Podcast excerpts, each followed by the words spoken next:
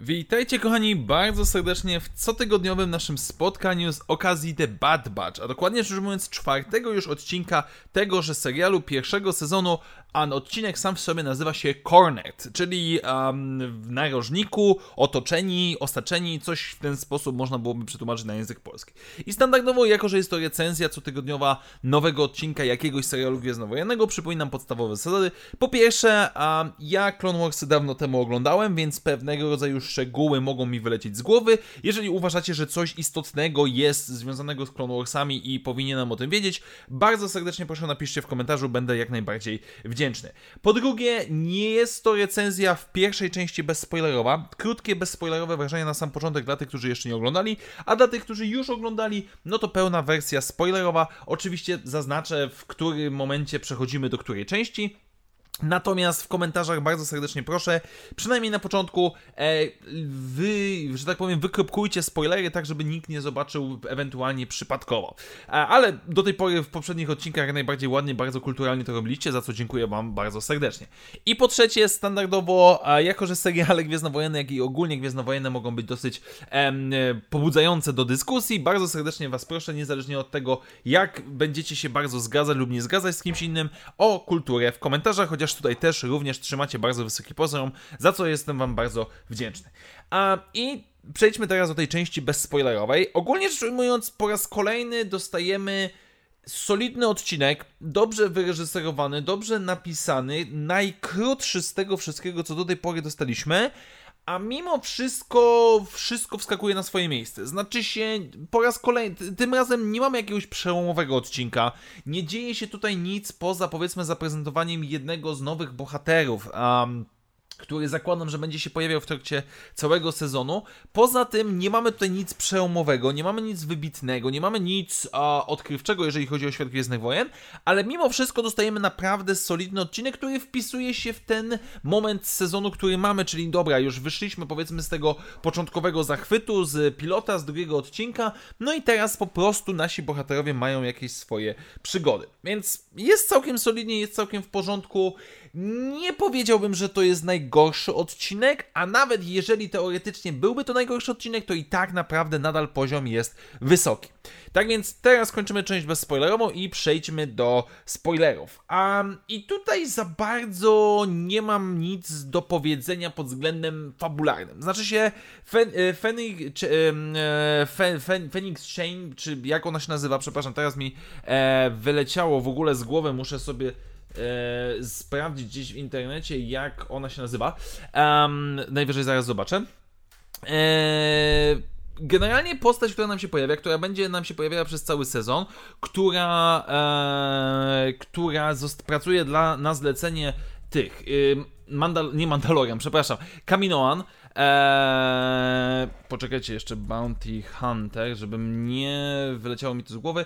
Eee, Din to nie on. No dobrze, nieważne. Eee, zaraz sobie najwyżej gdzieś to sprawdzę. Eee, ale kwestia jest tego typu, że nasza łowczyni nagród, e, która nazywa się, matko, no nie da mi to spokoju, Fennec Shand, przepraszam. Fennec Shand, której głos podkłada Ming Na Wen, czyli ta sama aktorka, która po raz pierwszy pojawiła się w tej, w tej roli w The Mandalorian. E, no jest, pracuje na zlecenie Kaminoan, ponieważ jest łowczynią nagród, więc Kaminoanie chcą po cichu załatwić cały biznes. Um, I w, ona się nam zostaje zaprezentowana i bardzo mi się, znaczy nie to, że bardzo mi się podoba, ale jest solidnie wprowadzona. Okej, okay, tak, mamy jej konfrontację, widzimy, że ona, nie wiem, nie jest takim tam tępym mięśniakiem, który za wszelką cenę po prostu, y, nie patrząc na ofiary cywilne, stara się wykonać cel, tylko gdzieś tam po cichu próbuje przekonać do siebie Omegę. I, i, i cały odcinek nie, nie rozwija nam fabuły jakoś spektakularnie, tak, no bo okej, okay, mamy kolejnego przeciwnika, z jednej strony jest Imperium, z drugiej strony jest właśnie nasza um, łowczyni nagród, Fennec Shand, uh, i nasi bohaterowie poznają kolejnego swojego przeciwnika. I tak naprawdę więcej nie ma. Mamy pokazywane relacje między bohaterami, czyli znów Wrecker i Tech, którzy są całkowitymi swoimi przeciwieństwami. Bardzo dobry, nazwijmy to ark historyczny Eko, który, tak jak było w poprzednich odcinkach powiedziane, bardziej przypomina droida niż człowieka i w tym odcinku to wychodzi. Generalnie rzecz ujmując, dostajemy solidny rozwój i najbardziej w tym błyszczy E, Omega. I, I teraz już chcę wam powiedzieć dlaczego. Ponieważ tak jak mój dobry kolega Sztilu, którego pozdrawiam, napisał w komentarzach, Omega nie wkurza w tym serialu, bo jest dzieckiem. Ona się zachowuje jak dziecko, ona jest naiwna jak dziecko, ona myśli jak dziecko, ona nie potrafi patrzeć, jak ktoś jej da powiedzmy tam owocka na ulicy, to ona już jest cała zachwycona. Zobaczyła jakieś zwierzaczki na ulicy, które swoją drogą po raz pierwszy pojawiły się w Star Wars Resistance, um, już jest zachwycona, już za nimi pędzi i to jest okej, okay. znaczy się, denerwowanie się na to, że dziecko jest dzieckiem nie ma absolutnie moim zdaniem sensu i to się wpisuje w to wszystko. Mam nadzieję, że jeszcze bardziej serial będzie rozwijał te relacje z Hunterem, relacje z inną, z całą resztą ekipy. Widzimy, że Wrecker kocha małą dziewczynkę z całym sercem. Hunter musi się tego wszystkiego nauczyć. Um, i, to jest jak najbardziej w porządku. E, ale kilka rzeczy, które, na które zwróciłem uwagę e, w trakcie całego odcinka. Po pierwsze, nie wiem, czy to już mówiłem w poprzednich recenzjach, Jestem bardzo za, zadowolony z muzyki z jednej strony, ale z drugiej strony z efektów dźwiękowych. A mianowicie intro do The Bad Batch, nie mówię tutaj o tym takim um, Lucasfilmowym, świecącym z Disney+, nie, nie, nie o tym mówię, tylko o pojawieniu się planszy The Bad Batch i werble, werble wojskowo-amerykańskie, jak ja to nazywam, które zawsze po, kojarzą nam się z wnoszoną flagą, z jakimś pogrzebem kogoś na filmie wojennym czy coś w tym stylu, strasznie mi pasują. No niesamowicie po prostu jestem zachwycony za każdym razem, jak to słyszę i werble są niedoceniane i, i moim zdaniem zasługują jak najbardziej. Um, jeżeli chodzi o relacje naszych bohaterów, nauka korupcji. Na samym początku, kiedy Tech i Reker uczą się, co to znaczy mogę przymknąć na coś oko i, i many, many, many, dajcie mi pieniążki, e, jest rewelacyjne. I Reker, który mówi pod koniec, że ty, stary, my chyba zaczynamy kumać, jak żyć jako cywile, jest zabawne, ale z drugiej strony rzeczywiste. Znaczy się, no bo oni kiedyś, to w ogóle cały wątek tego odcinka, że no nie mamy paliwa, bo Republika nam do tej pory dostarczała wszystko. Dostarczała nam paliwo, dostarczała nam żarcie i tak dalej, i tak dalej, i tak dalej. I to jest takie ich troszeczkę zmierzenie się. Szkoda tylko trochę, że to nie było bardziej poruszone. Mam nadzieję, że w trakcie całego um, se sezonu to będzie. Kolejna rzecz, która mnie troszeczkę zastanowiła i zaczęła mnie intrygować, czy Hunter ma tatuaż na twarzy? Znaczy się, to, to, jego maskowanie, które on ma na twarzy, które jest jakby wpisane do jego postaci, okej, okay, rozumiem z czego ono wynika, ale on jest bardzo charakterystyczny. Już pomijam jego cechy wyglądu, bo okej, okay, cywile mogą nie wiedzieć, jak wyglądają klony pod hełmami. Spoko, da się to zrozumieć, ale no jak ktoś idzie mi na ulicy i kogoś widzę na ulicy, kto pół twarzy ma zamazane tatuażami, nieważne jak one będą ładne, jest to charakterystyczne, jest to zauważalne, jest to coś takiego, co zapada nam w pamięć niż osoba, którą mijamy na ulicy i która nie ma tych tatuaży, więc a, autentycznie się zastanawiam, czy to są jego tatuaże, czy to jest jakieś jego maskowanie, którego nie chce mu się zmywać, czy w jaki sposób to działa.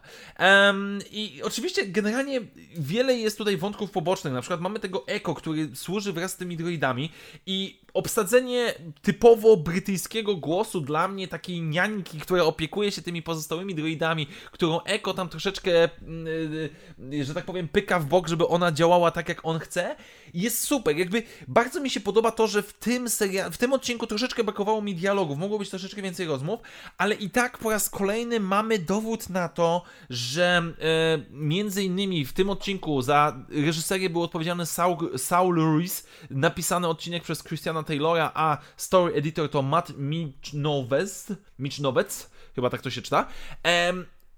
Z niczego, z niewielkiego materiału robią coś rewelacyjnego I, i w tym przypadku, na przykład w tym odcinku nie przeszkadzała mi długość. To, że były tylko 23 minuty, idealnie wpasowywało się to, co było do przekazania, a nadal można było to sensownie zrobić. Nie wiem, na początku scena, kiedy nasze klony odchodzą od monitora, kamera stoi w miejscu i widzimy tylko jak Omega się zaczyna marzyć, bo o, wyląduje na innej planecie. E, kierowca, który w czasie pościgu słucha sobie jakiejś tam elektronicznej muzyki, Moim zdaniem ten serial momentami przebija pod kątem jakiegoś wykonania to, co mieliśmy na przykład w The Mandalorian.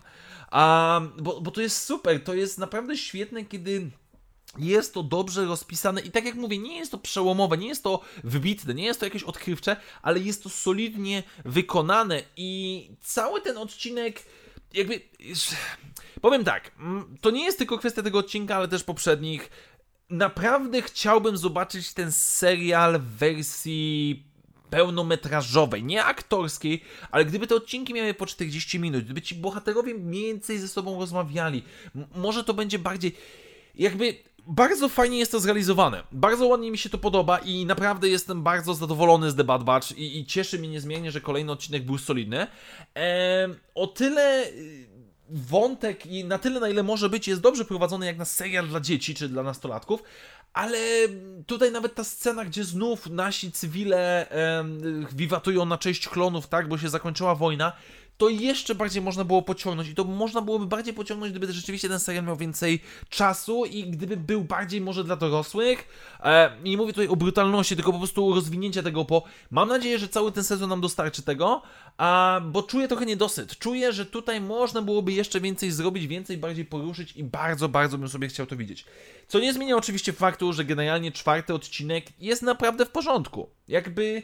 The Bad Batch dostarcza to, co ma dostarczać, dostarcza dobrą zabawę, ja jestem zadowolony um, i tyle. Więc nie wiem, co mam więcej powiedzieć, bo za bardzo nie ma, ale jak zwykle co tydzień wyszło mi ponad 10 minut. Tak więc dziękuję Wam bardzo serdecznie, moi drodzy, za dzisiejsze spotkanie. Do zobaczenia wkrótce w następnych materiałach i jak zawsze, niech moc będzie z Wami. Na razie, cześć!